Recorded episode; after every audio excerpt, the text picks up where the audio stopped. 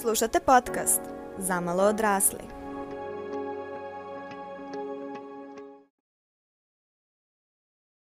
Zdravo svima i dobrodošli u novu epizodu podcasta Zamalo odrasli. Danas pričamo o nekim boljim navikama koje sam tokom ovog leta prvenstveno uspela da uvedem u svoj život i možda pomognem i tebi da to takođe to ili nešto drugo možda uh, u svoj život uh, uneseš kao dobru naviku. Definitivno prva navika od koje bih počela to su duge šetnje. A razlog zašto sam počela da se šetam je malo aj kažemo, duži i dublji, ali svakako jako sam zadovoljna i rezultatima i mnogo mi se dopadaju šetnje stvarno se trudim da to redovno radim. Znači šetam se sat do dva, um, trudim se da to bude minimalno pet puta nedeljno. Sad opet zavisi od nedelja do nedelja kako stignem, ali uglavnom to bude u proseku pet puta nedeljno. Uh, I šetam se sama, ne slušam nikakvu muziku, podcaste, ništa. Uh, samo idem i šetam. Odmorim negde uglavnom na pola jer se tu okrenem i vratim nazad, pa kao to ima smisla. Jedno vrijeme dok sam radila onaj izazov čitanja, sam nosila knjigu i onda u pauzi sam zapravo čitala knjigu, ali nekada samo uzmem i ne znam, pogledam šta se imam da radim tokom te nedelje ili odradim neke stvari ili samo jednostavno ono, blame desetak, 15 minuta i onda se vratim nazad. A, a razlog zašto sam počela da se šetam je dvostruki. S jedne strane sam shvatila negde na početku ove godine da mi dosta fali fizička aktivnost. A, međutim, ja sam oko toga mnogo specifična. Neko bi samo otišao u teretanu i završio sa time. Ali meni tako nešto baš i ne odgovara i želela sam iz više razloga da povećam svoju fizičku aktivnost i um, tokom zime sam zapravo krenula da idem na plivanje, jer jedno od redkih sportova koji se meni zaista dopadaju i koje znam da kao, mogu i dan danas bez problema da radim, to je definitivno plivanje. Uh, jer sam ja... Uh, ja se izvinjavam, to je bio mačak. Uh, jer sam ja šest godina trenirala umetničko plivanje, tako da kada idem na plivanje, ja ne plivam samo, nego radim i neke elemente iz umetničkog plivanja koje i dalje mogu da uradim koliko toliko. Um, I naravno, mislim, meni je plivanje bukvalno, meni je bazen omiljena stvar na svijetu, ja stvarno obožavam plivanje.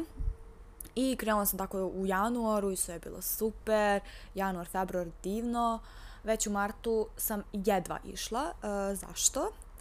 Ovako, meni je to super odgovaralo, u smislu kao samo plivanje, međutim već u martu počelo da bude toliko ljudi na bazenu da, mislim, to nije kao, ne znam, ne znam kako izgleda puna teretana ili tako nešto, ali pošto je bazen vrlo ograničen prostor i svi su načičkani na površini bazena, nekako nemaš baš ti mnogo mesta kako da uklopiš toliko ljudi, jer svi hoće da plivaju s jedne na drugu stranu i slično.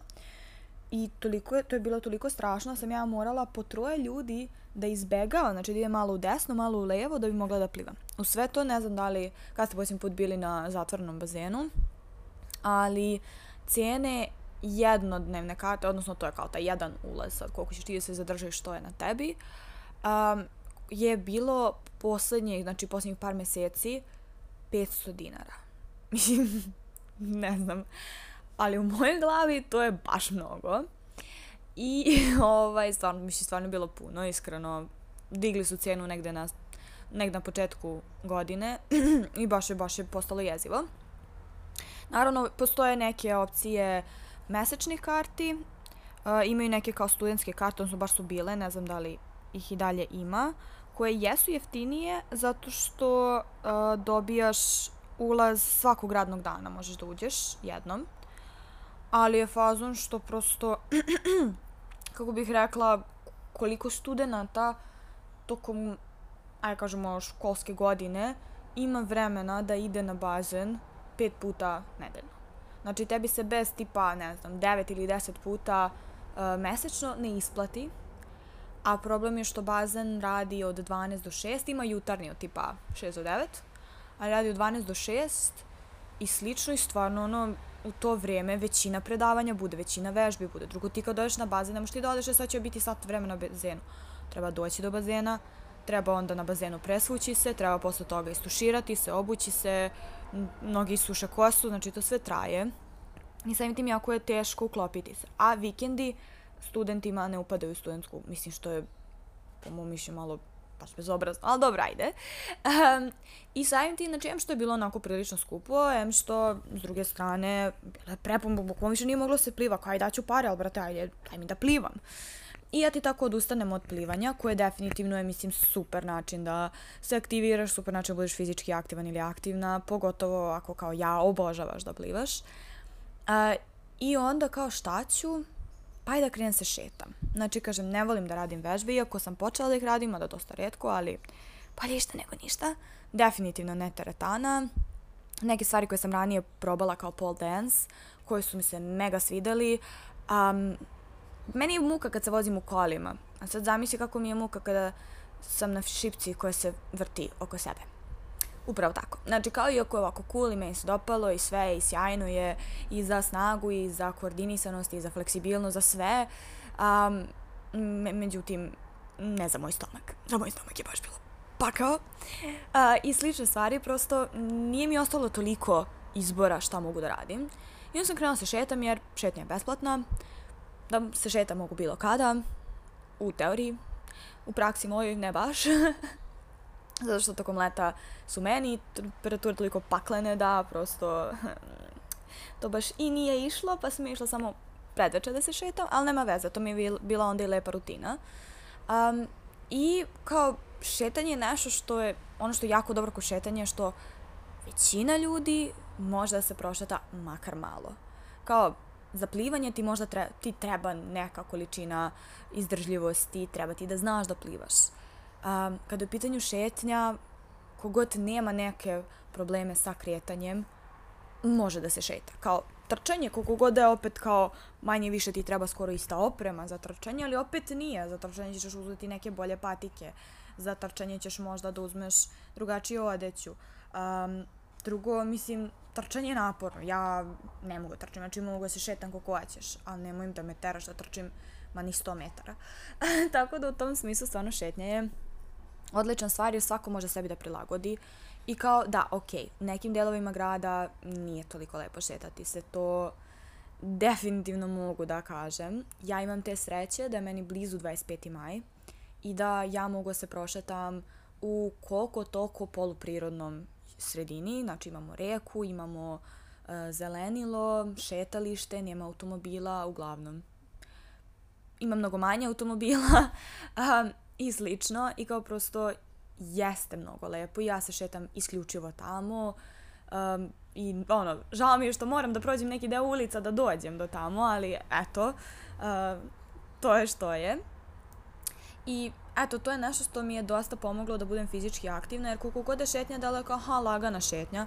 Prvo, niko te ne tera da se šetaš, mislim, ne moraš da se šetaš čet, ono, brzinom 4 km na sat. Mislim što je neka brzina sporijeg šetanja. To je okej okay kada ideš sa nekim, kada pričate, kada se šetaš ono čisto ajde kao da se prošetate, kada više šetaš u smislu uživanja u okolini i slično. Ali ako hoćeš da ti šetnja bude i fizička aktivnost onako malo ozbiljnija, samo uzmeš i malo pojačaš brzinu i to je to. Ono što je dodatno kod šetnje to što zapravo šetnja nije samo odmor za aj, odnosno, aj kažemo, nije samo dobra za telo, već je i odlična za um, odnosno praktično odmor za um. Um, iako može da se kaže to i za mnoge druge fizičke aktivnosti, ima nešto što, ne, neka smirenost i poseba neki šmek koji šetnje ima. Mislim, kažem kao neko ko se bavio različitim sportovima do sada i kao da u svim sportovima možeš da uđeš u taj neki ovaj mindset, ali prosto šetnja je nešto sasvim, sasvim drugo. Prvo zašto je upravo to, zašto je šetnja toliko laka i toliko, kao ti ne moraš da razmišljaš da šetaš. Kao šta god da radiš, ne znam, ako radiš vežbe, ti moraš da brojiš. Ako radiš neke druge stvari, ako se baviš nekim sportom, ti imaš neke misli koje moraju ti prolaze kroz um. Kad se šetaš, šetnja je automatski nešto što radiš. Kao, ono, kažeš idem se šetam i ako još imaš neku rutu kojom ideš sve vrijeme, ti bukvalno samo, samo ideš i šetaš se. I onda mozak, ne samo što može da ti se odmori, nego što toliko ideja i toliko kreativnih stvari možeš da dođeš. I mislim, ja sam dobila gomilu ne samo ideja, nego i nekako neka mišljenja sam bolje usvojila, neke, neka mišljenja sam promenila bukvalno samo šetajući se, što delo je ovako potpuno nevjerovatno, ali kao šetnja je možda nešto što je najviše pozitivno utjecalo moj život. To je znači jedna od stvari koje sam malo onako duže, kao što sam rekla, duže objašnjenje zašto, šta i kako. A, da, jedna stvar, kad se šetate, nemojte zaboraviti da ponesete vodu. Mislim, treba vam voda. nemojte to da zaboravite. A, druge neke stvari koje sam uvela, a, to je da mnogo ozbiljnije shvatam odmor. Ja se već godinama borim sa time kako da se bolje odmaram. Prosto tako sam funkcionisala da nisam umela da stanem. Radila sam 1056 stvari i iako sam ja uživala u većini tih stvari, ok, bile su neke stvari koje sam morala da radim, pa ono kao, nije da se baš pitam, a, ali ja sam radila dosta stvari koje generalno volim. Ipak, i pored svega toga, posle godina takvog rada, sam na kraju burnoutovala. I to dobrano. Ali nisam znala kako da se zaustavim, nisam znala kako da odmorim. Možda najbolji odmor koji mi je išao, to je da uzmem i samo kao legnem i zaspim. Umela sam u srednjoj školi, školi bukvalno da spavam 24 sata. Da samo probudim u tih 24 sata jednom da jedem i nastavim da spavam. I kao, to je bio moj najlakši način jer bukvalno se samo isključim. Međutim, to nije idealno, ne, nisam protiv spavanja popodne, naprotiv, ja sam veliki zagovornik toga. Međutim, kao spavati 24 časa baš nije optimalno. Uh, I nisam znala kako, pokušavala sam kao sad ću ja da se odmorim i sve to, ali na kraju odmor je bivao prisiljeni odmor u smislu uzmem društvene mreže i izgubim se satima na njima. Jer je to bukvalno način bio na koje je moje telo bilo u fazonu, e, e sad nećemo više mislim o ovome i ajmo drndamo Instagram. I to jeste veliki problem jer on se još gore posle toga osjećaš jer kao koliko god da, da se razumemo, ja volim sadržaj koji ja imam na Instagramu i kao stvarno mislim da imam relativno kvalitetan sadržaj koji mi tu izlazi. Ok, ima nekih ono smiješnih, glupavih stvari, ono ne znam, neke simpatične stvari, animacije i slično, koji su eto kao mala slatka stvar da ti malkice ulepša dan. Uh, ima gomilu nekih aktivističkih stvari koje mene zanimaju, uh, ima gomilu nekih korisnih stvari, ja sam stvarno svašta naučila, čula, ima gomilu recepata, jer mi trebaju stalno recepti i kao zaista mislim da ne gledam trash sadržaj. Zaista mislim da gledam sadržaj koji je prilično kvalitetan, ali samo zato što je kvalitetan ne znači da je dobro što ja satima sedim tu. I ne znači da je dobro način na koji ja dolazim do tog kvalitetnog sadržaja, odnosno da mi je tu na klik i da je to brzi boost dopamina.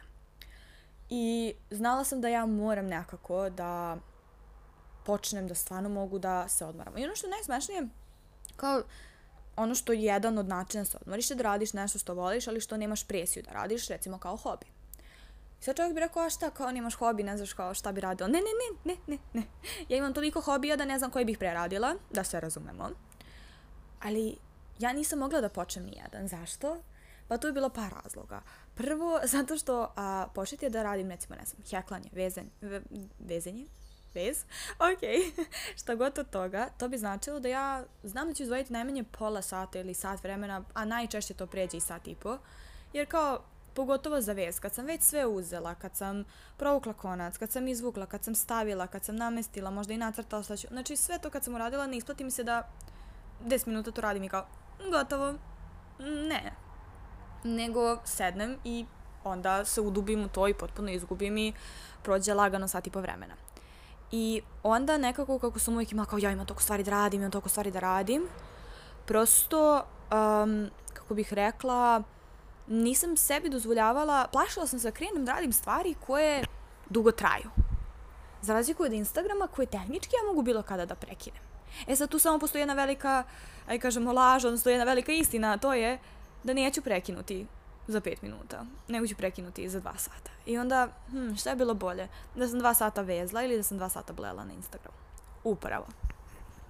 I bila sam ja svesna toga, ali nikako nisam mogla da zaista uđem u to. I okej, okay, krenem ja tipa, ne znam, vezem jednom, dobro, pa onda možda za nedelju, dve dana vezem ponovo. I kao, nije to strašno, ali to nije davalo efekt koje je trebalo, to je da ja zaista mogu da se odmorim. Naravno, treba ti fizički odmor, treba ti i da odspavaš. Mislim, vola bih da napomenem ovde odmah da ja imam prilično dobar sleep schedule, odnosno ja prilično ok spavam. Mislim, to što sad ja imam neke lične probleme sa spavanjem, pa to što ja ovako sve radim po PS-u, a ja i dalje ne mogu fino da se odmorim, to je druga stvar. Ali ja sam ona osoba koja ide u 10 u krevet i ustajem između 7 i 8.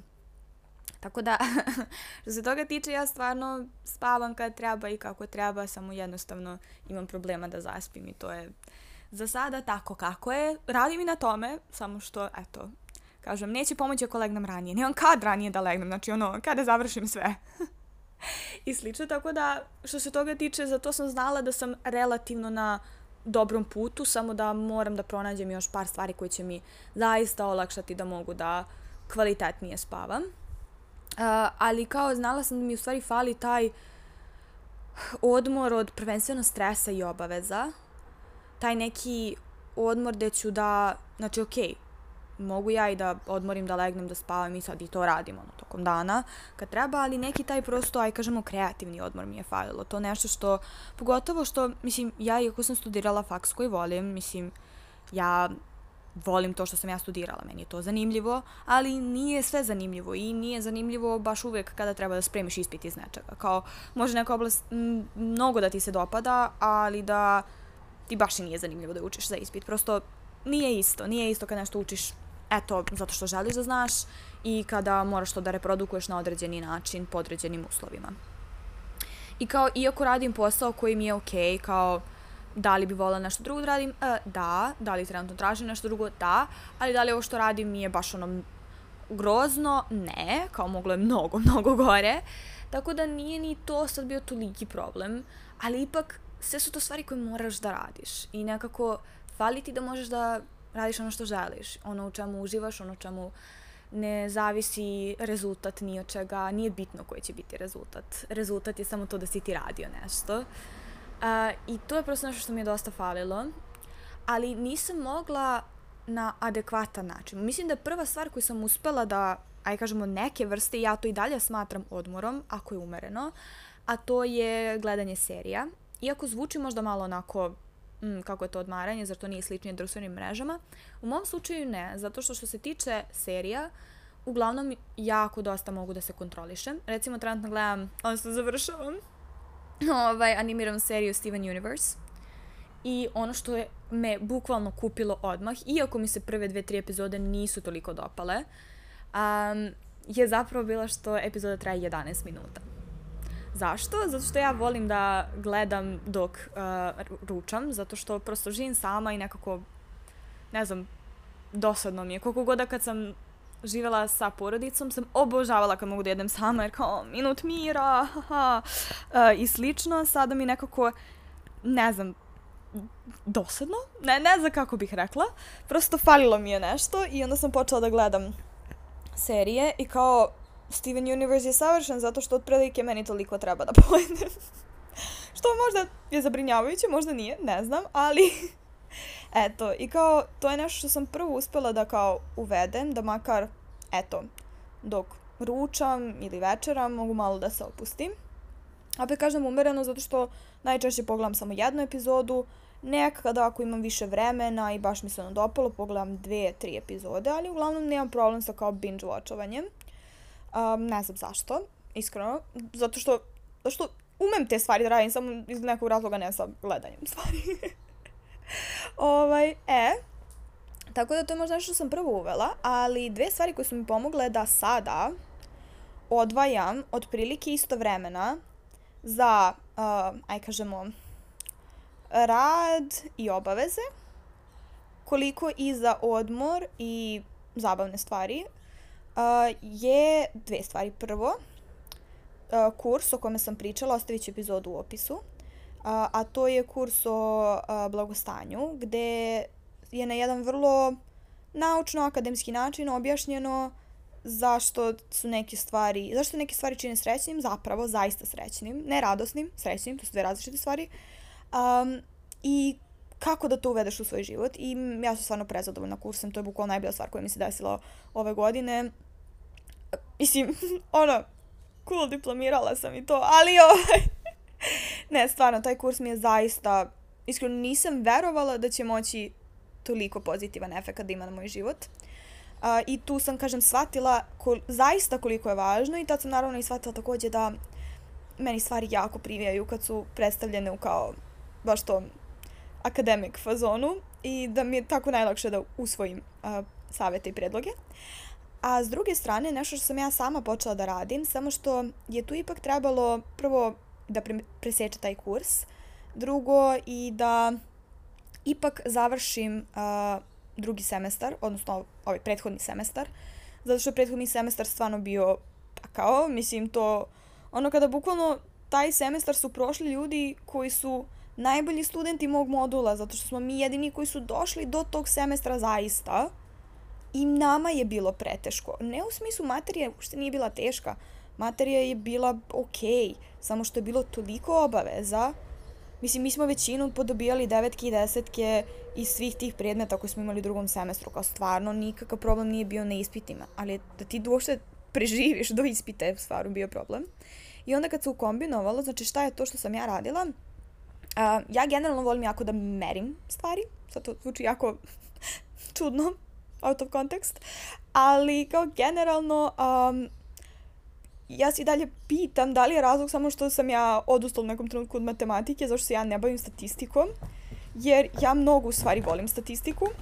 Doduše onu jednostavniju, onu koju ja mogu da uradim bez mnogo znanja, mada imam desetku iz statistike, tako da ono kao i to sve da računam nešto.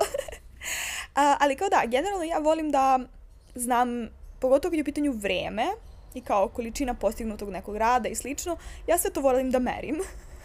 Kod sebe, naravno. Um, I to, mislim, ja sam to počela da radim jako, jako davno, samo što sam sada to podigla na jedan viši nivo. Ranije sam to recimo računala samo za faks, uh, jer sam imala aplikaciju, mačkice, uh, ja se izvinjam, uh, ne, mačkice, nemoj da se maziš o mikrofon, jer se to čuje, ok.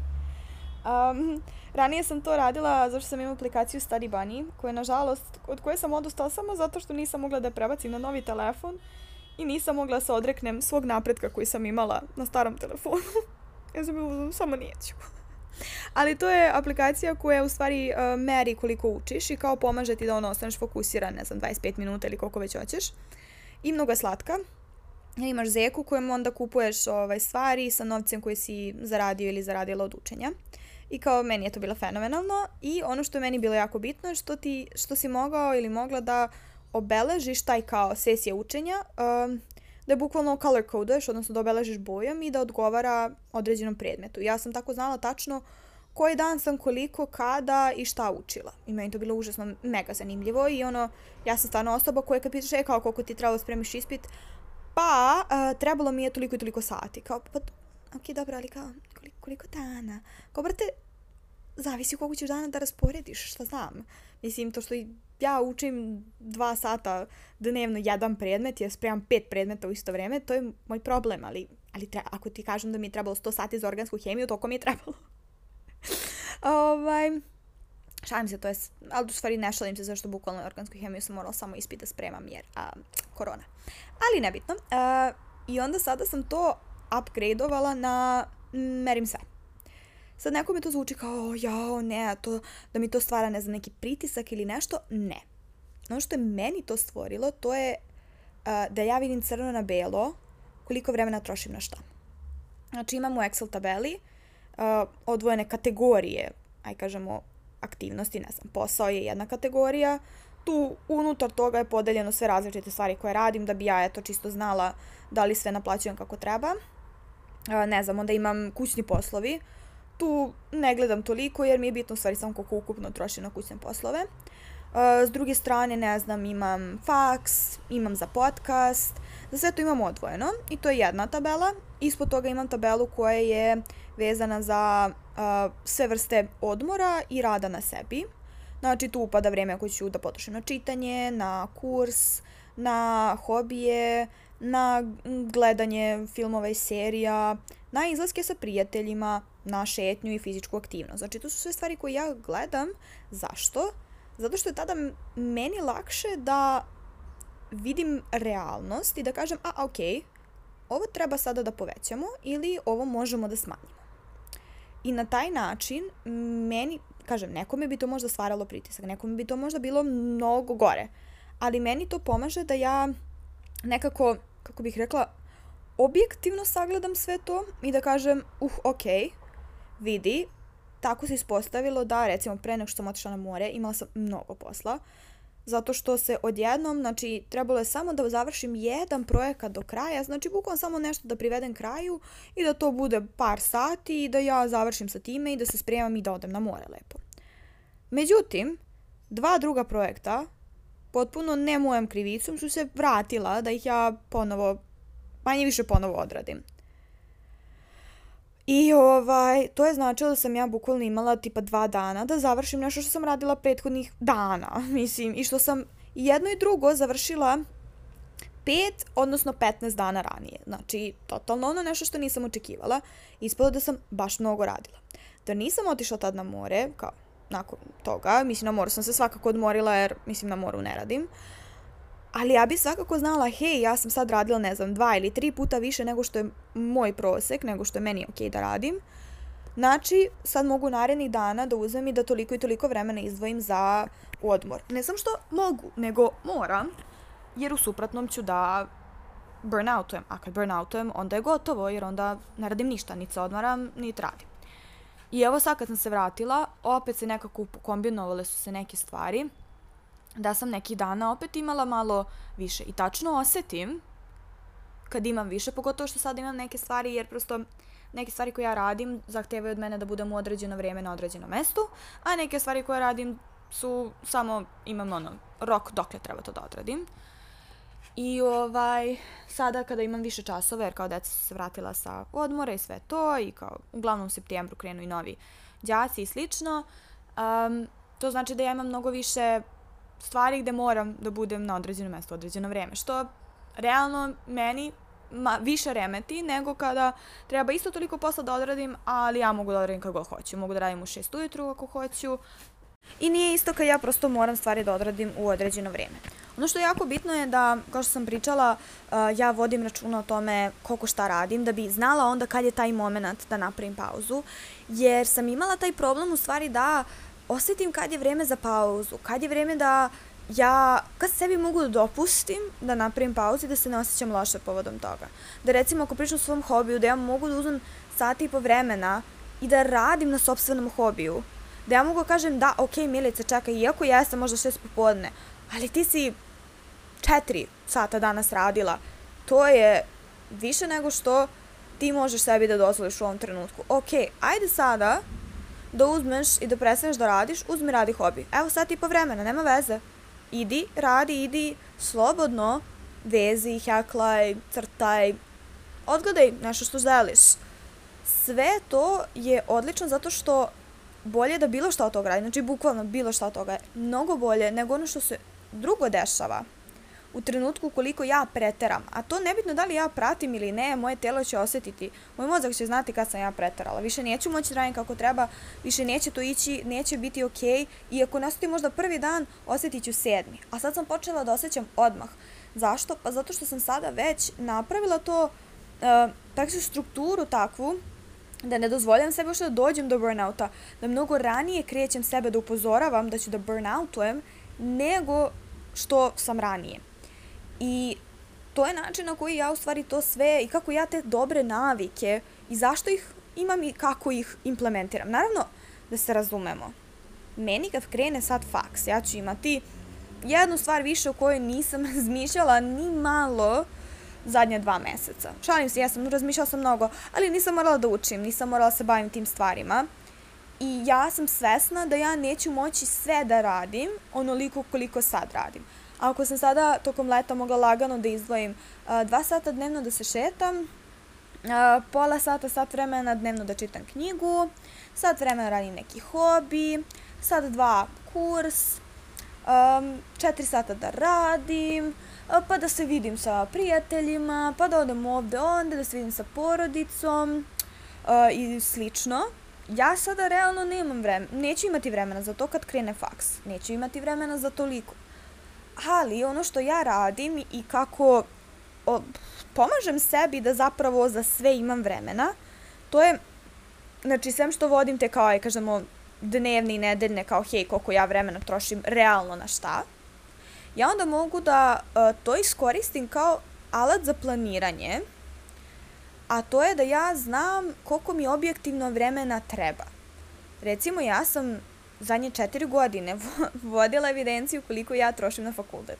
To računam i učenje, rađenje domaćeg, uh, rađenje svega ostalog što je još trebalo za fakultet, kao i sedenje na svim tim vežbama i predavanjima. I čak sam upoređivala sa brojem uh, sati koji bi trebalo po ESP bodovima da se uloži i moram priznati da sam ja svaki svoj bod zaradila kvalitetno.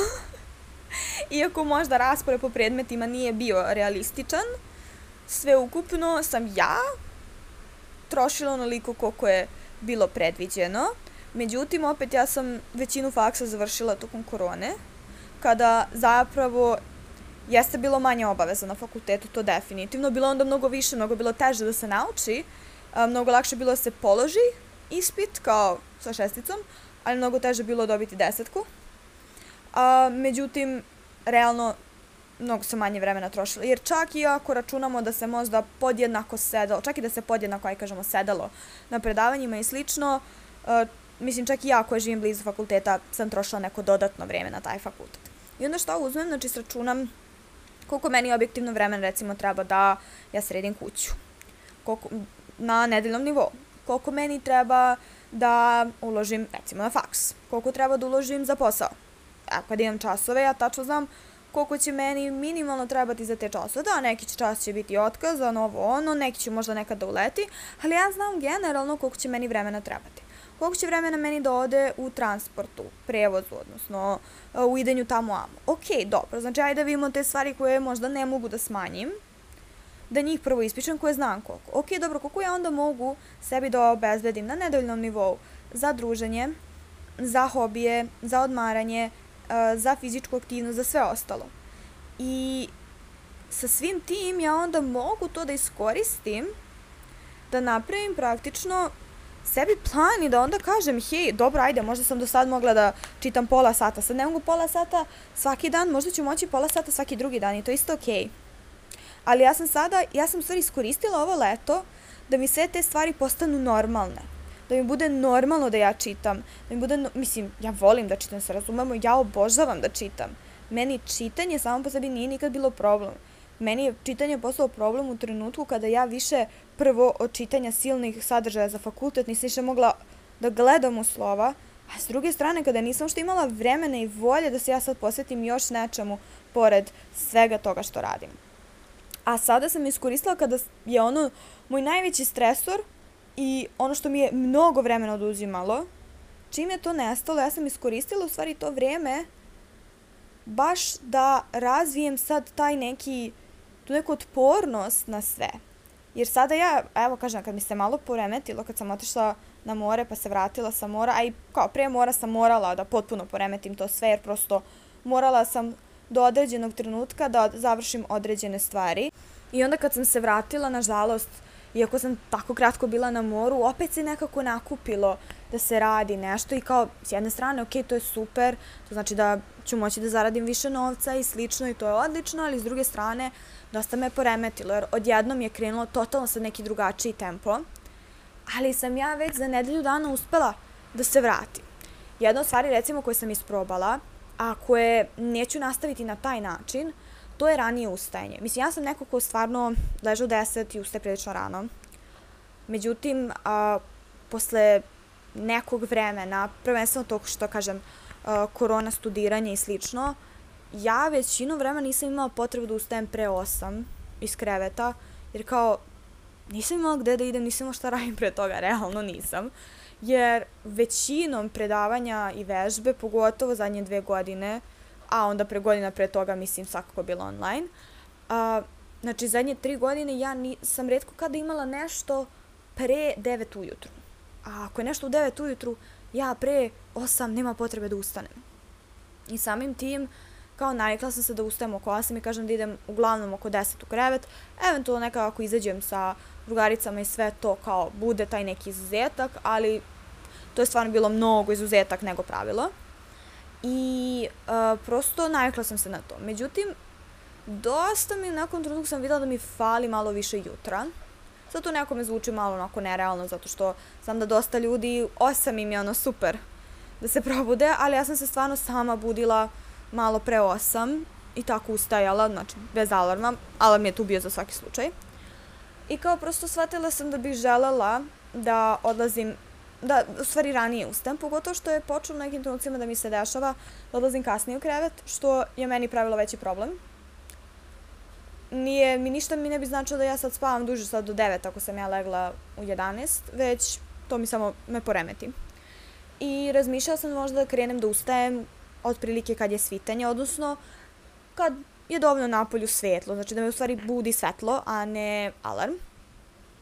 Jer ja ne spuštam roletno tokom noći, tako da je to bilo moguće. Naravno ne sad tokom leta, zašto tokom leta baš, baš jezivo rano. A, međutim, tala sam sada kad već polako kreće to malo da se pomera i u neko malo normalnije vreme je. A, trenutno je to oko 6 i 15, 6 i 20.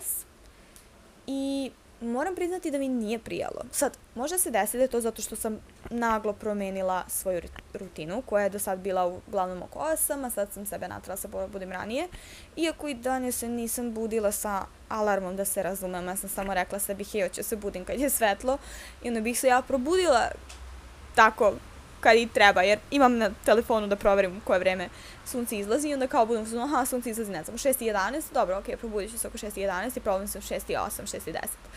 A, međutim, shvatila sam posle par dana da to baš ne ide. Zašto? Pa zašto sam počela da skoro 2 sata manje spavam, jer sam 2 sata ranije ustajala, a ne mogu da legnem u 8. A šansa da završim sve do 8. Pogotovo sad recimo imam jedan čas koji mi traje do 7, pa ja dok dođem kući pola 8. Pa mislim, kako da legnem? Ja sam da to baš i neće ići tako. Pogotovo što ako bih mogla nekih dana, ne bih mogla svaki dan. I okej, okay, u redu je da imam neki izuzetak, ali mm, problem je kad je to manje više pola-pola. Jako loše da se napravi zapravo neki raspored spavanja. I samim tim odustala sam od toga jer sam shvatila koliko god da to možda je dobro, nije baš najbolje za mene i bar ne u ovom trenutku. Međutim, s obzirom da imam sad neke stvari koje su malo ranije ujutru, recimo da moram da krenem uh, oko 8 i 15, 8 i 20 iz kuće, znači moram da ustanem ranije, odlučila sam da samo pomerim malo. Ok, hajde, nećemo dva sata da pomerimo, jer meni to ne prija trenutno. Hajde da probam da pomerim sat vremena, da ustanem oko 7. I stvarno mi je sada ok da ustanem tako oko 7. I to je nešto što ipak bio kompromis, da ja vidim šta meni odgovara. I to je jako bitno kod svih ovih, šta kažem, dobrih navika. Ok, dobra je za mene, ne znači da je dobra za svakoga. I samo prosto treba nekada, možda sve ove stvari dobre, ali možda moja mera nije baš dobra svima. I mislim da valja eksperimentisati. Da, da li je lakše eksperimentisati ako imaš, aj kažemo, jedinstvenu priliku kao što sam imala ja. Pre toga jedina takva prilika koju sam imala u životu je bilo kad sam završila srednju školu, pa prema što sam krenula faks, ali sam te godine to iskoristila da zapravo krenem da radim. I tada, naravno, nisam sve ove druge stvari mogla da radim, ali prosto mislim da možda nije loše da, čak i ako nemaš priliku kao ja, da ipak pokušaš. Ti onda ne moraš da sve počneš odjednom. Ja sam imala priliku da sam mogla dosta toga odjednom da uvedem, jer sam imala dosta više vremena i dosta sam onako nekako završila sam sa svima i treba mi neki novi zadatak dok prosto uh, mi ne krene ponovo faks i sve ostalo. Ali možeš da probaš da uvodiš jednu po jednu neku stvar koju ti smatraš da je dobra. Znači, da li je to, kažem, čitanje, pisanje ili tako nešto da li su to hobi, šta god tebi hobi bio, da li je to fizička aktivnost, da li je to bolje spavanje, da li je to možda promena ishrane, promena konzumacije različitih pića, da li je to alkohol, da li je to uh, kafa. Mislim, ja kad pogledam neke stvari kao kako bolje spavati, onda prva stvar je kao i nemojte piti kafu posle. Slušaj, ja ne pijem kafu uopšte, pa ne mogu da spavam. Mislim, ja stvarno ne znam kako je ljudima koji piju kafu, šalim se, meni kafa, mene kafa uspavljuje zapravo, mislim, ali ovo je najiskrenije i što je najgore, znam i zašto, mislim, ovaj, nije, nije, nije fama stvarno proverena stvar, ali kao meni prosto kafa ne prija, ne volim je, mnogo mi, mnogo se osjećam tromo posle nje i kao to nije nešto što sam ja morala dramatično da uvodim u svoj život.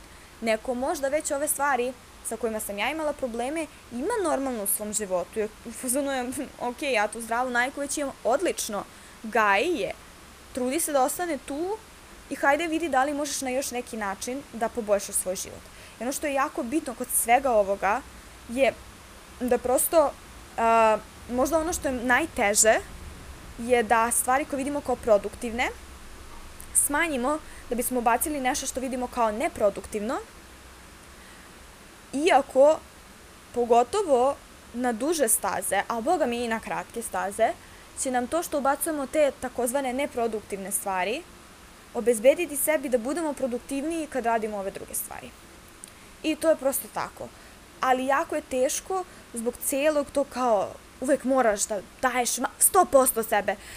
Uh, ne, ne, ne mogu da dajem u svakom trenutku 100% sebe, niko to ne radi, niko to ne može i to nije normalno niti prirodno, znači to tako ne funkcioniše, niko ne može da sve da bude u optimumu, oladimo malo i prosto na ovaj način možeš da pomogneš sebi da zaista napraviš shift u svom životu, da zaista napraviš tu promenu koja ti treba i da se izvučeš iz burnouta i da se izvučeš iz svih tih negativnih stvari i da zaista nešto novo i pozitivno uradiš za sebe. A ono što recimo može da ti pomogne je nešto što sam ja sada, sad treba počnem da koristim, znači tek sam dobila, nisam još stigla da koristim, a to je planer. Znači ja mnogo volim da koristim uh, digitalne stvari za određeno, a to je recimo ako je u pitanju računanje, znači ako ću ja da merim koliko sam nešto radila i slično, to će biti na digitalnom. Moj dnevni plan će takođe biti digitalan. Zašto? Zato što a, ja sam zaboravna i jedna stvar koju neću zaboraviti je telefon. I meni je potrebno da to prosto stoji tu, da ja mogu svakom trenutku da stanem i kao, e, što je treba da radim danas? Da ja otvorim moj telefon i da to tu piše. Zato mi je to potrebno. Međutim, kad god pišem bilo šta što je neki cilj, znači nije isto, mislim, ja ne mogu da kažem da je cilj da danas očistim kuću. Mislim, da, to mi je cilj ove nedelje i za nelju dana i za nelju dana. To je ipak više neki kao, kako bih rekla, dnevni zadatak. I to mi je okej okay da pišem digitalno i kad računam ove sve moje stvari, to naravno digitalno jer nisam nenormalna da računam sve to ručno i peške, bože. A, međutim, kad god pišem neke ciljeve, neke promene koje želim da učinim, nešto što je važno, uvek volim da napišem. Ali ne na telefonu da iskucam, nego baš kao da napišem na papiru. Doduše, ja sam onako malo ne znam, rakun, pa ja volim tako da sve neke papire koje nađem po kući, pa ja to nekako sakupim, pa ja to negde stavim i slično. Ali sada sam dobila planer i ovaj, mnogo je lep i samim tim ću sada da počnem te stvari da pišem u planer. I sad ću moći to da vidim kako zapravo to funkcioniše po planeru, pa kad budem malo duže koristila, onda ću da vam javim i uh, kakvi su utisci ali kao generalno to je jedan od načina koji isto, pogotovo znam da dosta ljudi je u fazonu, ja, ja ne volim digitalno, dobro, nemoj, nemoj, ne moraš. Uš, prilagodi se. Mislim, ako ti neko da neki savjet i on nije savršen za tebe, probaj da ga prekrojiš da odgovara tebi. Tako da, to je to za ovu epizodu, a do sledeće epizode slušamo se!